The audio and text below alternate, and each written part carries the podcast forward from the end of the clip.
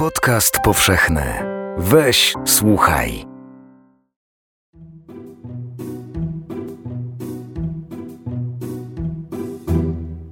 Słowo dom. Te trzy litery są jednymi z pierwszych, które poznajemy w życiu. To główny bohater naszych dziecięcych rysunków. Dzień dobry. Przy mikrofonie Krzysztof Story, a wysłuchacie podcastu powszechnego. W tych rozmowach moi goście pokazują, że dom to znacznie więcej niż tylko cztery ściany. Zapraszam. Czujcie się jak u siebie w domu.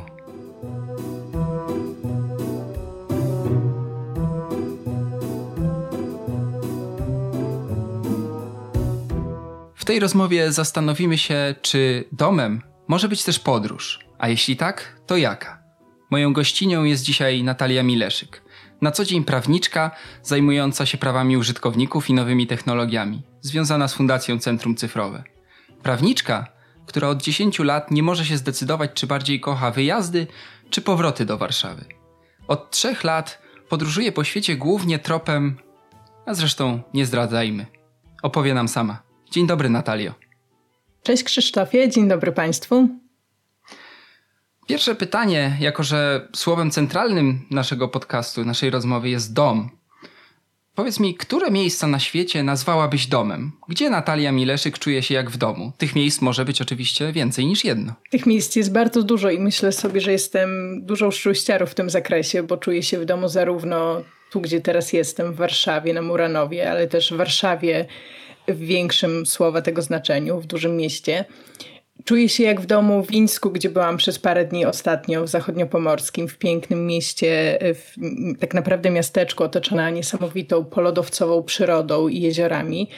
Ale czuję się też jak w domu na przykład na Białorusi albo w Iranie i tak sobie myślałam właśnie ostatnio o tym domu, bo wiedziałam, że będziemy rozmawiać. I chyba kluczem do tego, żeby dane miejsce było dla mnie domem, bo myślę, że każdy może mieć własną definicję domu, to są dwa klucze tak naprawdę. Po pierwsze, takie poczucie bycia tu i teraz, takich małych rytuałów, cieszenia się po prostu codziennością i takich miejsc, które właśnie na to pozwalają. A po drugie, myślę, że dla mnie dom to jest takie miejsce, przestrzeń i ludzie w koło, bo ludzie są w domu bardzo ważni, którzy pozwalają mi e, na e, bezsilność i na bycie słabą. I myślę, że w czasach pandemii to jest dla mnie niesamowicie ważne. Zaczęliśmy od takiej bardzo pięknej refleksji, myślę bardzo też pomocnej e, dzisiaj. E, pewnie jeszcze ją powtórzymy. Natomiast ty te domy swoje odnajdujesz, e, zwłaszcza poprzez ludzi, w różnych bardzo zakątkach świata. A jednocześnie też mówisz o Warszawie i to o Warszawie jako o mieście i o Warszawie jako o swoim mieszkaniu łączysz w życiu te dwie role tu na miejscu i gdzieś tam. E, raz widzimy się przy okazji jakiejś debaty o wolności w internecie albo reformy praw autorskich, a innym razem widzę cię na scenie festiwalu podróżniczego. Czy któraś z tych ról jest dla ciebie ważniejsza? Absolutnie nie. I myślę, że to jest piękne, że w 2020 wcale nie musimy wybierać, e, jak siebie określamy. I mogę siebie nazwać właśnie prawniczką, podróżniczką i jeszcze paroma innymi określeniami i, i wszystko to jest jakaś historia o mnie. Ale też myślę, że to wszystko gdzieś się łączy w tym, że moja zarówno praca, jak i, i pasja jest jednak o opowiadaniu. To znaczy opowiadam właśnie o technologii, opowiadam o świecie, łączę w tym wszystkim jakąś wiedzę i mam nadzieję, że jakąś wrażliwość i, i prezentuję jakiś pomysł na to właśnie, jak coś by mogło inaczej wyglądać. Więc to wszystko dla mnie jest o jakichś takich historiach, więc nie widzę tu za dużego zgrzytu mi również tutaj nic nie zgrzyta. Natalia, ja myślę, że to jest dobry czas, żeby opowiedzieć Twoją historię rodzinną, bo za chwilę wszyscy zobaczymy, że ona jest kluczowym elementem tej opowieści. Więc ja zacznę, a Ty może rozwiniesz. Twoja rodzina pochodzi ze wschodu. Jedna część z okolic Białej Podlaskiej, a druga po wojnie zamieszkała niedaleko Terespola. Ta historia rodzinna jest, jest bardzo prosta i myślę, że jest taką historią wielu rodzin, e, które mają swoje korzenie właśnie w, na terenach wschodniej Polski, albo nie tylko. A mianowicie moja babcia urodziła się na terytorium obecnej Białorusi i w 1945 roku, kiedy y, zmieniała się granica, była ustalona granica między Rzeczpospolitą a, y, a Związkiem Radzieckim i została ona ustalona na Bugu właśnie, na rzece Bóg, rzece, w której uczyłam się pływać, to y, przyszli już nawet, nie wiem, jacyś włodarze i zapowiedzieli mojemu pradziadkowi, że albo zostają na terytorium Związku, no albo się przenoszą z całą rodziną, z całym dobytkiem na terytorium Polski właśnie za Bóg. E, I to jest właśnie taka prosta historia o szybkiej decyzji, na którą nie było za dużo czasu przemyśleń, bo trzeba ją podjąć. Została podjęta. Część rodziny została na Białorusi, nadal mam tam jakichś dalekich kuzynów, kuzynki, ciotki. A część po prostu stwierdziła, że jednak woli być y, na nowym, ale w Polsce. Kiedy rozmawialiśmy przed, przed tą rozmową, e, zapytałem cię, czy twoi e, dziadkowie, mm, pradziadkowie byli Polakami. Twoja odpowiedź pokazywała, że to nie jest taka pro, takie proste, że nie ma takich e, oczywistych kryteriów. A przynajmniej wtedy nie było. Myślę, że cała historia Polski to jest właśnie opowieść o nieoczywistych kryteriach tego, co to znaczy być Polakiem. I, i dzisiaj, jak próbujemy sobie ustalić jakieś takie łatwe kryteria, proste, zero-jedynkowe, y, to to jest jakaś y, nowość i, i myślę, że niekoniecznie dobre podejście. Jakbym się zapytała mojej babci, jak się jej pytałam, no to ona oczywiście jest Polką, ale ona przede wszystkim jest tutejsza.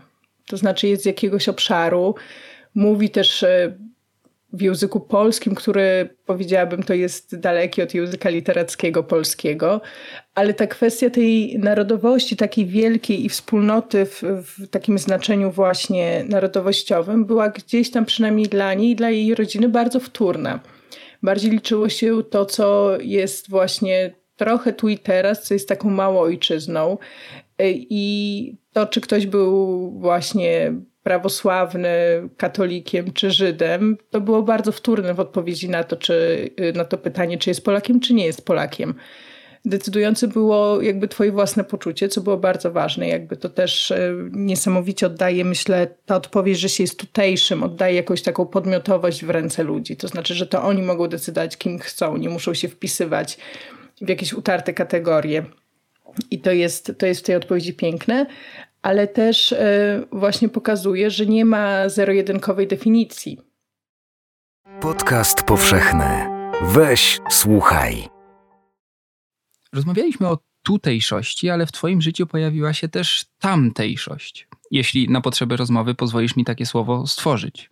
Pojawiły się podróże i to podróże wyjątkowe, choćby ze względu na to, że jako kobieta często podróżujesz sama. Nie zawsze sama, tak, ale często się zdarza, że podróżuję, y, wolę mówić, że samotnie, a nie sama. To znaczy albo na odwrót. Chyba podróżuję sama, a nie samotnie. Jaka tak. jest różnica? Ponieważ biorę y, swój własny plecak i sama decyduję o kierunku i y, sama decyduję o tym, w jaką stronę ta podróż się rozwinie, ale moje podróże nigdy nie są samotne, bo w nich jest bardzo dużo ludzi w koło mam wrażenie, że jakość Twoich podróży jest mierzona właśnie w tych spotkaniach z ludźmi, a nie w kilometrach czy tam liczbie odwiedzonych państw. Ale przecież te tysiące kilometrów też tam są. Wyjeżdżałaś daleko i na bardzo długo. Indie, podróż lądem do Tajlandii, wielokrotnie wracałaś do Iranu. Powiedz mi, uważasz się za takiego człowieka drogi? Czy podróż faktycznie stała się dla ciebie jakąś formą domu? Ja kiedyś myślałam, że tam dom mój, gdzie mój plecak, moi przyjaciele, jak wyruszałam właśnie w dziewięciomiesięczną podróż po Azji, to się śmieli z tego powiedzenia trochę. Teraz myślę, że już e, nie podpisałabym się pod tym stwierdzeniem, ale to po prostu wynika ze zmiany tego, czego szukam w podróży i jakby co jest powodem, dla którego wyjeżdżam. Bo kiedyś wyjeżdżałam bardzo po nowość i po nowe doświadczenia, bodźce nowych ludzi, po pewną zmianę, po pewne bycie zaskoczoną ciągle. A od pewnego czasu, nie wiem gdzie był taki przełomowy moment, ale od pewnego czasu wyjeżdżam po to poczucie bycia tu i teraz. I nie w każdym kraju i nie w każdym miejscu tak się czuję, a że to tu i teraz i te właśnie rytuały i to cieszenie się chwilą obecną, a nie planowanie przyszłości albo rozpatrywanie przyszłości są mi bardzo bliskie, są tą częścią składową mojego domu, poczucia domu, tej przestrzeni, którą mogę nazwać domem. E, dlatego już nie każdą podróż nazywam domem. Już nie twierdzę tak, że tam dom mój, gdzie mój plecak, ale myślę, że jak najbardziej też wiele osób może tak myśleć i może tak czuć i może czuć się bardzo jak w domu właśnie, będąc w podróży. Jak każdy turysta czy podróżnik w świat zabierałaś ze sobą aparat fotograficzny. tylko że skupiłaś się, kierowałaś ten obiektyw na pewien szczególny wycinek krajobrazu. Zaczęłaś fotografować święta, obrzędy religijne, uroczystości. To też jest historia o tym, co jest dla mnie w podróży najważniejsze, no bo też każdy podróżuje w poszukiwaniu czegoś innego i ktoś się skupia na krajobrazach, na aktywności fizycznej, ktoś inny podróżuje, bo po prostu kuchnia na całym świecie go zachwyca. A ja podróżuję, bo mnie zachwycają ludzie. I w ogóle w życiu i wszędzie zachwycają mnie przede wszystkim ludzie, więc jak ruszam w drogę, to też chciałabym jak najwięcej ich poznać, jak najwięcej zrozumieć, jak najwięcej mieć takich rozmów, które nie są tylko rozmowami o tym, gdzie jest najbliższy hostel albo ile kosztują pomidory na targu, tylko takich głębszych i takich, takich rozmów naprawdę o marzeniach, miłościach, o troskach i problemach. I jak zaczęłam jeździć, to właśnie odkryłam, że święta i że różnego rodzaju rytuały i obrzędy są takim dobrym miejscem, gdzie ludzie bardzo łatwo się otwierają, gdzie do tych ludzi bardzo łatwo dotrzeć. Więc jak jeździłam po Azji, to fotografowałam właśnie święta, y, które zgodnie z kalendarzem tam mija. Były to głównie święta buddyjskie czy święta hinduskie ale w pewnym momencie poczułam, że te święta nie do końca są też moje, więc jakby zawełziłam w pewnym momencie y, święta, które fotografuję, już jeżdżę bardziej, powiedziałabym to, wybieram kierunki, w które jeżdżę, ale fotografowanie świąt właśnie jest dla mnie metodą i sposobem zbliżenia się do ludzi i zrozumienia tego, co jest dla nich ważne, w jaki sposób przeżywają emocje. Y, o czym też marzą, ale też takiego właśnie wejścia często łatwego do ich domów, y, trochę do ich serc również, tak, ale myślę, że w ogóle ludzie jak świętują, to są bardziej otwarci. Jak coś celebrują, jak coś upamiętniają, to są bardziej otwarci i warto wtedy właśnie wykorzystać tą otwartość na nawiązanie jakiejś relacji w drodze. Widziałem wiele reportaży, z fotoreportaży ze świąt buddyjskich. Tam są emocje, tam są kolory, tam są no, niespotykane wręcz obrazy.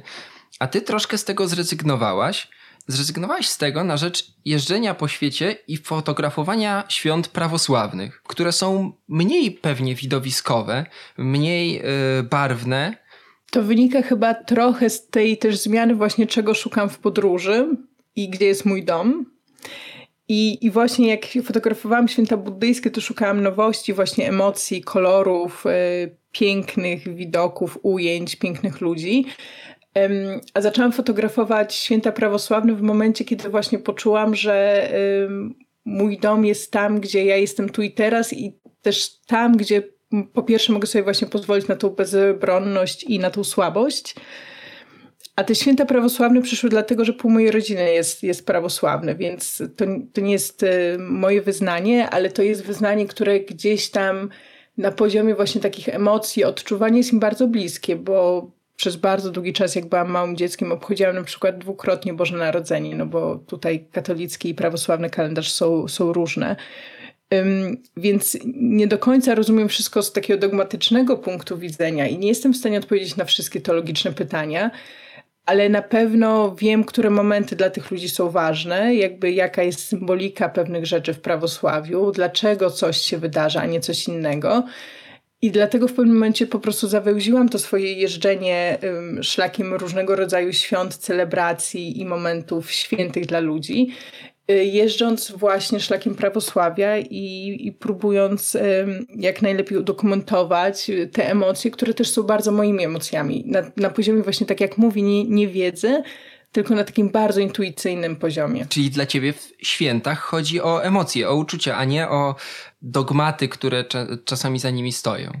Myślę, że najbardziej tak, szczególnie w fotografii często bardzo trudno jest pokazać dogmaty, łatwiej jest pokazać emocje. Myślę też oczywiście, że warto wiedzieć, gdzie się jedzie i po co się jedzie i co się fotografuje. Bardzo um, gdzieś tam trochę denerwują mnie takie osoby, które gdzieś wpadają i właśnie nie wiedzą, co się będzie działo i dopiero próbują się wtedy odnaleźć. Myślę, że z szacunku dla tych ludzi i którzy, dla których to są po prostu ważne momenty, warto wiedzieć, co się będzie działo, trochę w jakiej kolejności, gdzie można z aparatem, gdzie nie można, w jaki sposób też fotografować, żeby ludziom jednak w tych świętach, które są świętami religijnymi, nie przeszkadzać.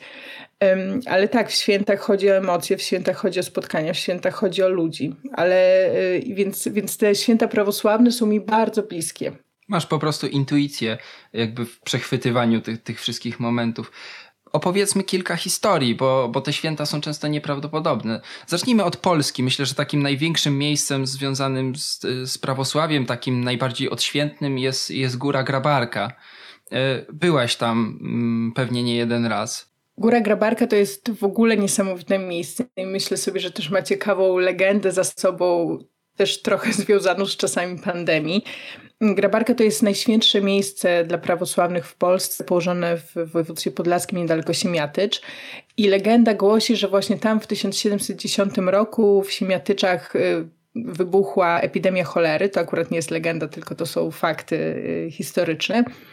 I jednemu właśnie z wiernych przyśniło się y, takie objawienie, że musi iść na górę Grabarkę właśnie z krzyżem, żeby tę epidemię powstrzymać.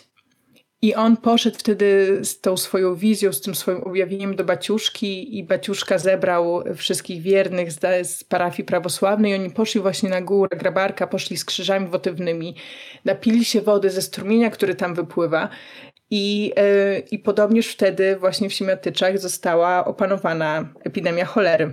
Żeby pokonywanie epidemii było takie proste zawsze. Może się w tym, w tym roku wygląda na to, że się chyba nam to nie uda e, takimi metodami. Miejmy nadzieję, że inne zadziałają. Ale tak, więc, więc Grabarka jest też przepięknym miejscem i naprawdę miejscem, mm, w którym czuć tą świętość i tą wyjątkowość miejsca. Jest to um, kompleks cerkiewny położony na wzgórzu w takim sosnowym lesie, który i to wzgórze całe jest usiane krzyżami właśnie wotywnymi, które przenoszą, piel, przenoszą pielgrzymi wraz ze swoimi intencjami i tam też zostawiają. I ja byłam parokrotnie na grabarce tak po prostu, bo albo właśnie przyjeżdżałam rowerem, albo specjalnie tam pojechałam, żeby fotografować te krzyże wotywne, a z dwa lata temu pojechałam tam na święto przemienienia pańskiego, czyli najważniejszą ceremonię właśnie w tym sanktuarium kiedy to pielgrzymi z całej Polski się schodzą, z Polski, nie tylko z Polski, ale też z krajów ościennych, z krajów za wschodnią granicą, się schodzą właśnie z krzyżami wotywnymi. Podróżują, pielgrzymują na piechotę oczywiście, e, część z nich jakoś inaczej przyjeżdża, ale niesamowity jest ten moment właśnie zejścia grup pielgrzymkowych z różnych terenów Polski i tego, jak ci ludzie zostawiają właśnie te krzyże, swoje intencje, swoje modlitwy na tym wzgórzu, na którym już tak naprawdę są modlitwy, marzenia, pragnienia ludzi z, z setek lat. Grabarka jest y, na pewno miejscem wyjątkowym. Ta energia spotykających się tam pielgrzymów, te dziesiątki tysięcy krzyży, które tam są, y, to jest coś szczególnego. Ale jest też dobrze znane w Polsce. Tymczasem ty fotografowałaś święta prawosławne w najbardziej niespodziewanych miejscach na świecie. Y, na przykład Etiopia, której raczej z prawosławiem większość ludzi, myślę, nie kojarzy. Tymczasem jest to tam dominująca religia.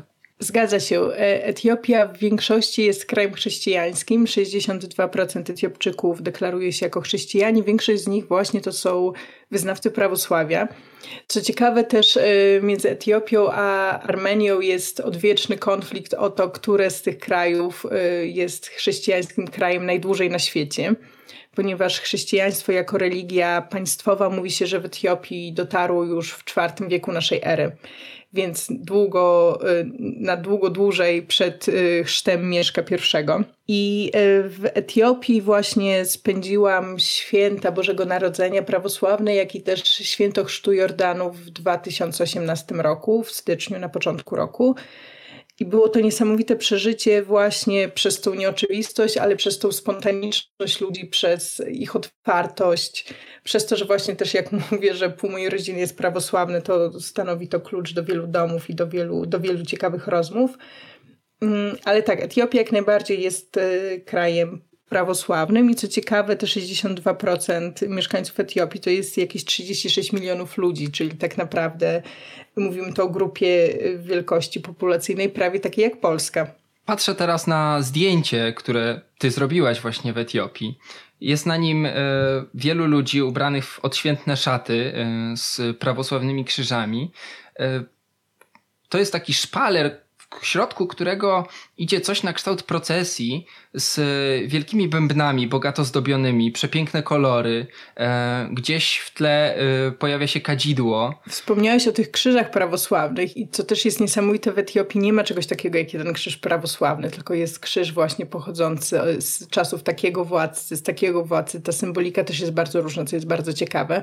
Ale to zdjęcie, o którym mówisz, zrobiłam w miejscowości Gondar w czasie właśnie święta Timkat, czyli święta chrztu w Jordanie, momentu, w którym prawosławni upamiętniają moment, w którym Jezus e, został ochrzczony w rzece, w rzece Jordan przez Jana Chrzciciela. I w Etiopii i w ogóle w prawosławiu to jest jedno z najważniejszych 12 świąt e, w roku liturgicznym.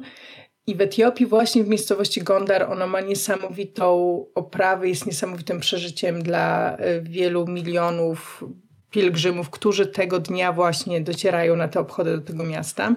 Ta procesja, o której wspominasz, y, wyrusza tak naprawdę z każdej cerkwi w mieście. Jest to procesja, y, w której w porównaniu do naszych na przykład procesji bożyciałowych nie jest niesiony Najświętszy Sakrament, ale jest niesiony tabot. Y, I tabot to jest właśnie w kościele etiopskim replika tablic, na których Mojżesz otrzymał dziesięć przykazań w ogóle Etiopczycy wierzą i mówią, i jakby się chwalą tym, że właśnie te oryginalne tablice z dziesięcioma przekazaniami znajdują się w Aksum.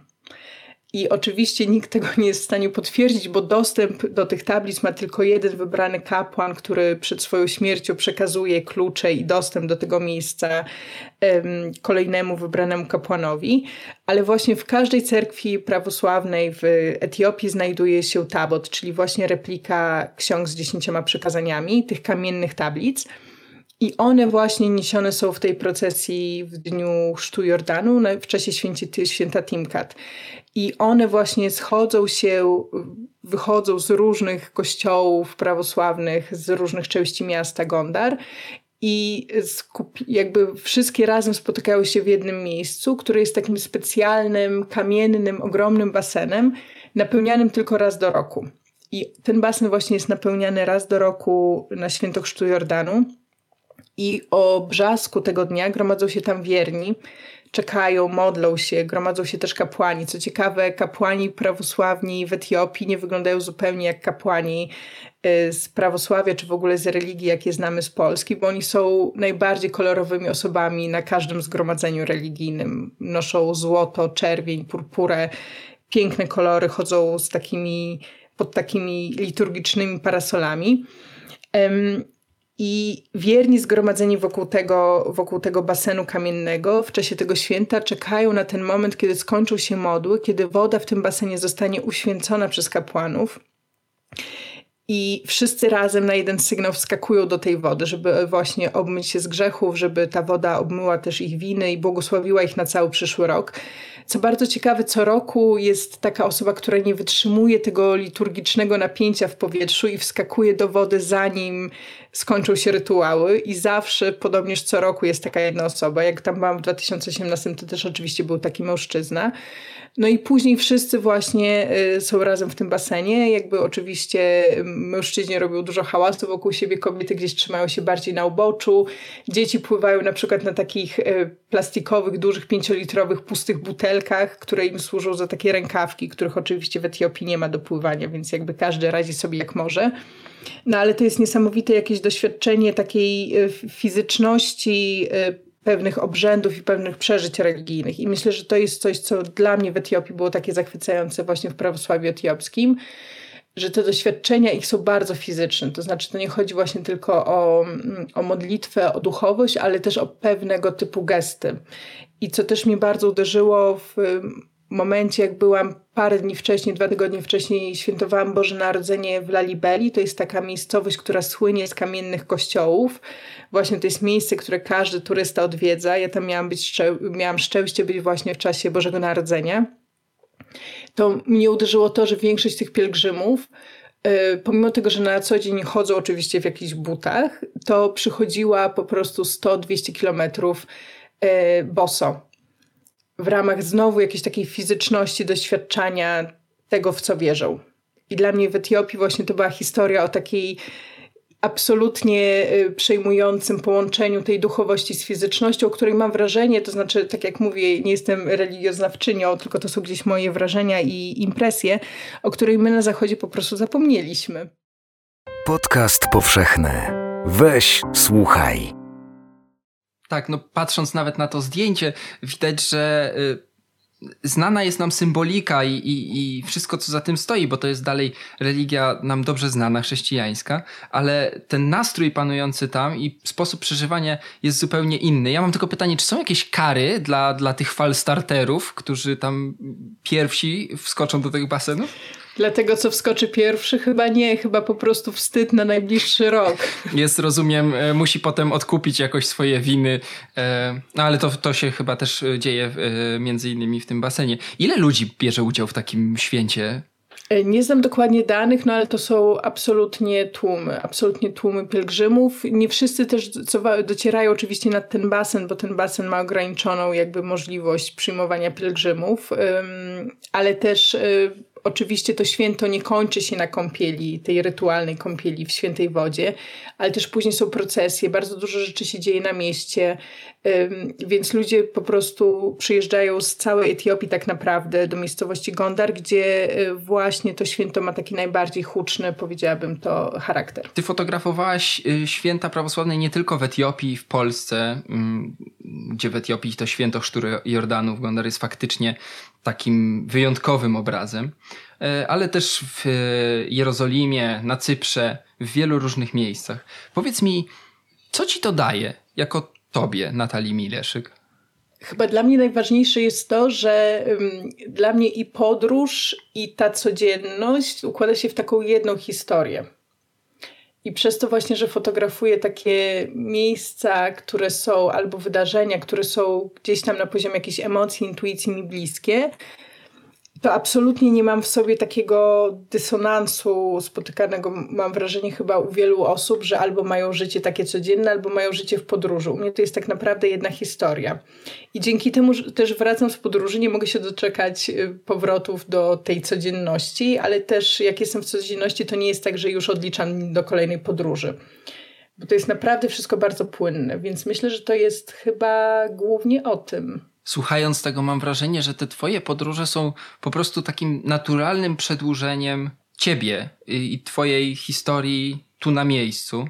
Y, czy taka podróż może stać się domem? Oczywiście, że podróż może być domem, bo dom to nie jest tylko mm, miejsce czy przestrzeń, do której wracamy. Dom to jest coś, co sobie tworzymy według własnych kryteriów.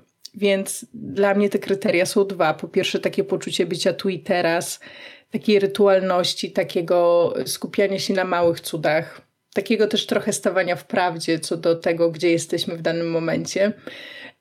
A druga kwestia to jest właśnie kwestia poczucia tego, że mogę sobie pozwolić na bezsilność i na słabość. I jeśli w danym miejscu, w danej przestrzeni mogę sobie na to pozwolić i mogę połączyć te dwa elementy, to znaczy, że to jest dom dla mnie. Wiem, że takim miejscem na świecie, w którym możesz pozwolić sobie na bezsilność i dlatego czujesz się tam jak w domu, jest na przykład Iran.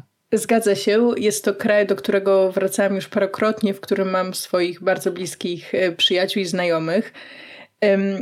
I też mam wrażenie, że idea domu w Iranie jest mi absolutnie bardzo bliska, ponieważ dom w Iranie dla większości osób jest tam po prostu z gumy.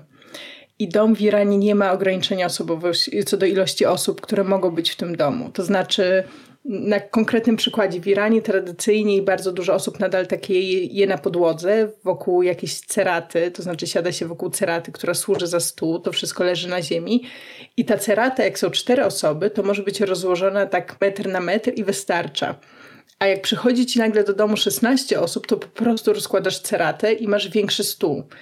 I tak samo z kwestią spania i nocowania u kogoś w domu, ponieważ w Iranie większość osób śpi na podłodze, na takich matach, po prostu rozkłada się kolejną matę dla gościa i w ogóle nie ma problemu z tym, że ktoś przyjechał, się nie zapowiedział, postanowił spontanicznie zostać, że ten dom w Iranie jest absolutnie ideą właśnie, która dopasowuje się do ilości osób, a nie y, ilość osób dopasowuje się do domu. I myślę sobie, że to jest coś, y, co naprawdę sprawiło, że zakochałam się w tym kraju.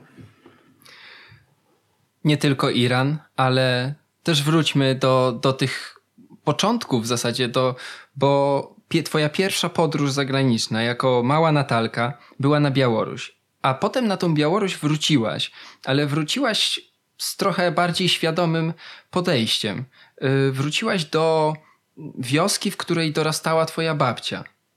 Opowiedz o, o jej reakcjach na tą podróż yy, i o tym, co to tobie dało, czego się dowiedziałaś o, o sobie czy o swojej rodzinie. E, zgadza się. Dwukrotnie wracałam do Wistycz. To jest taka mała wioska właśnie tak naprawdę w okolicach Brześcia, więc nie tak daleko za granicą polską. E, pierwszy raz wróciłam tam z całą swoją rodziną, z rodzicami i rodzeństwem. Wróciliśmy na chwilę. E, za drugim razem wróciłam już na dłużej, jeździłam sama na rowerze po Białorusi. Wróciłam tam na dłużej, bo po prostu ch chciałam tam chwilę pobyć. W obu przypadkach oczywiście wszystko dokładnie fotografowałam, żeby pokazać to mojej babci. Bardzo żałuję, że nie mogłam jej zabrać właśnie na Białoruś, bo teraz przekraczanie granicy jest dla osoby starszej dosyć trudne, nie wiadomo na jak długo kolejkę się trafi, trzeba załatwić procedury wizowe, więc, więc nie mogła sobie na to pozwolić.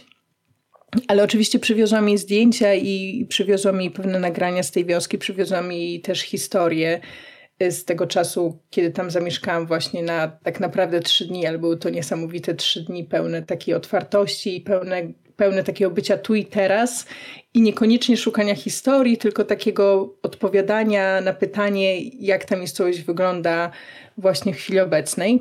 No i reakcja oczywiście była bardzo wzruszająca, ale też te wszystkie zdjęcia i to wszystko, co przywiozłam, było takim... Um, takim powodem, dla którego wiele historii nagle ujrzało światło dzienne, albo dla którego ja po raz pierwszy je usłyszałam. Bo jednak w wielu rodzinach jest dużo trudnych historii, w takich na poziomie, powiedziałabym to geopolityczno, y, tego jak Polska się zmieniała, co się działo w Polsce. I właśnie pewne, pewne zdjęcia po prostu sprawiły, że moja babcia zaczęła opowiadać o rzeczach, o których nigdy nie słyszałam, a zawsze zadawałam dużo pytań, tylko ona po prostu, y, po prostu stwierdziła, że nie będzie się nimi dzieliła. A jak zobaczyła, że ja jednak tam pojechałam, mam na tyle uparte, że tam chwilę pomieszkałam i że poznałam się z ludźmi, y, to chyba stwierdziła, że zacznie mi opowiadać, jak to tam było, jak ona była właśnie małą dziewczyną i y, pamiętam chyba najbardziej takim wzruszającym przeżyciem było, jak pokazałam jej zdjęcia z cerkwi, cerkwi prawosławnej, bo tam w tej miejscowości Wistycze jest taki kościół, który kiedyś był kościołem cystersów, a teraz służy za cerkiew prawosławną, to znaczy służy za tą cerkiew już tak naprawdę od prawie 100 lat. Co też pokazuje właśnie, jak wieloreligijna może być historia Polski, jak wieloreligijna była historia Polski. No więc ten, ta cerkiew, y, moja babcia nie chodziła do cerkwi, bo była katoliczką, no ale znała tą cerkwię. Cerkiew pokazała mi właśnie, że tutaj trwają prace restauratorskie, są na nowo pisane ikony, będą absolutnie niesamowite, wszystko jest w takie w kolorze niebieskim. Y, w ogóle zapoznałam się tam z baciuszką, wiedziałam, gdzie są klucze schowane, mogłam sobie tam zawsze wejść i posiedzieć w tej cerkwi, co też było niesamowitym przeżyciem. No ale pokazała mi zdjęcia z tej cerkwi, i ona na przykład zaczęła mówić o tym, jak weszły wojska radzieckie do miejscowości i jedną z pierwszych osób, które zginęły i zostały zabite, był właśnie prawosławny baciuszka, był prawosławny kapłan, którego nie mogli pochować na cmentarzu prawosławnym, ponieważ wojsko pilnowało i to by wzbudziło podejrzenia i na pewno zostałoby zostałby powstrzymany pogrzeb, więc okazało się, że mój pradziadek ze swoimi tam znajomymi z wioski y, wzięli ciało i pochowali go na, y, na cmentarzu katolickim, gdzie do tej pory spoczywa. I to są takie właśnie historie i, i doświadczenia, o których wcześniej nie miałam okazji usłyszeć, a gdzieś tam te zdjęcia z wioski, która tak naprawdę bardzo się zmieniła od czasów, kiedy moja babcia tam mieszkała, bo kiedyś to była taka wioska która powstała głównie przy majątku ziemskim, którego już oczywiście nie ma. Zostały jakieś ruiny bramy wjazdowej do parku, zostały gdzieś tam fundamenty, można pochodzić, widać, widać gdzie ta historia była, ale to jest zupełnie inne miejsce niż to z pamięci mojej babci. Jednak te parę miejsc właśnie jak y, ten kościół, który teraz jest cerkwią, albo jest też y, taka kolumna z y, figurą Matki Bożej na szczycie, która też była właśnie w czasach, kiedy moja babcia tam była małą dziewczynką. otwierają po prostu wspomnienia i są jakąś taką przyczynkiem do rozmowy i przyczynkiem do jakiejś takiej szczerości i do nieunikania trudnych tematów, co było dla mnie niesamowitym doświadczeniem. Ale też e, chcę powiedzieć, że ja nigdy na Białorusi nie szukałam jakoś historii. To nie jest tak, że ja stworzyłam drzewo genealogiczne swojej rodziny. No właśnie, ten, ten, ten cały pomysł, to zbieranie tych historii, to nie jest tak, że twoja rodzina miała ten majątek szlachecki, o którym mówisz. Nie, absolutnie wręcz, wręcz, nie. Wręcz przeciwnie. Nie ma tam konwencji przekazywania historii kolejnym pokoleniom. Ty to robisz zupełnie dla siebie. I na, na zakończenie chciałem zapytać, co to może nam dać? Takie poszukiwanie tych korzeni tego naszego takiego domu rozumianego też jako naszą historię czy opowieść, czy w podróży, czy w domu, to mam wrażenie, że to u ciebie jest jakby nie do rozgraniczenia, bo to jest wszystko bardzo, bardzo spójne. Mi chyba e, przede wszystkim daje takie poczucie, że ja będąc w drodze też nie uciekam. Co jest dla mnie bardzo ważne, ostatnio sobie uświadomiłam, że dla mnie właśnie ta podróż jest e, absolutnie wpisana, e, wyjazdy, powroty są tak samo ważne. To jest gdzieś tam dla mnie niesamowite doświadczenie. Myślę, że mam dużo szczęścia, że właśnie mogę tak, tak mówić i że tak czuję po prostu. Ale jeśli chodzi o tą Białoruś, to, to dla mnie to jest taka opowieść trochę jakiejś takiej wrażliwości, wrażliwości też na naturę na przykład. Niesamowita jest natura na Białorusi, tak często nietknięta przez człowieka, e, zachwycająca w swojej właśnie surowości. E, ale też ta Białoruś jest opowieścią o jakichś takich... Wierzeniach właśnie w moc natury również trochę i o takich różnych rzeczach, których właśnie racjonalnie nie umiem wytłumaczyć, ale intuicyjnie czuję, że są bardzo moje. Ale tak jak mówię, ja nie podróżuję na Białoruś, żeby odkrywać właśnie historię, czy doszukiwać się do jakichś korzeni, czy, czy przeszukiwać księgi parafialne w poszukiwaniu swoich przodków, tylko ja podróżuję na Białoruś, trochę próbując sobie odpowiedzieć na pytanie o tą część historii, która kiedyś była e, częścią historii mojej rodziny, ale bardziej na poziomie tu i teraz, w sensie co to znaczy tu i teraz, jakie emocje to we mnie wywołuje. Więc tak, ale myślę, że to jakby, że nic z tego nie jest ucieczką i to jest niesamowite, że jakby to jest właśnie taka jakaś historia y, o domu, wszystko. Myślę, że na zakończenie możemy zostawić y, Was z taką myślą, że docenianie tak samo wyjazdów, jak i powrotów, jak i tej naszej zwykłej codzienności może nam, y, nam bardzo pomóc. Zgodzisz się? Mi bardzo pomogło. Dobrze. E, dziękuję Ci za rozmowę, Natalio. Dziękuję bardzo za zaproszenie i życzę wszystkim miłego dnia. I zdrowia. Oczywiście. Do swojego domu zabrała nas dzisiaj Natalia Mileszyk. Jej zdjęcia i zapiski z różnych stron świata znajdziesz na Facebooku, na fanpage'u Natalia Mileszyk One Photo, One Story. Jedno zdjęcie, jedna opowieść. To była kolejna odsłona podcastu powszechnego. Ja nazywam się Krzysztof Story i dziękuję Ci za to spotkanie. Do usłyszenia. Jeśli słuchają nas Państwo w Spotify albo w Apple Podcast, zasubskrybujcie nasz kanał. Jesteśmy też w Google Podcast i w aplikacji Lekton oraz na www.tygodnikpowszechny.pl/podcast. Towarzyszyła nam dzisiaj muzyka Aleksandra Nakarady. Utwór Foam Rubber pochodzi z serwisu filmmusic.io.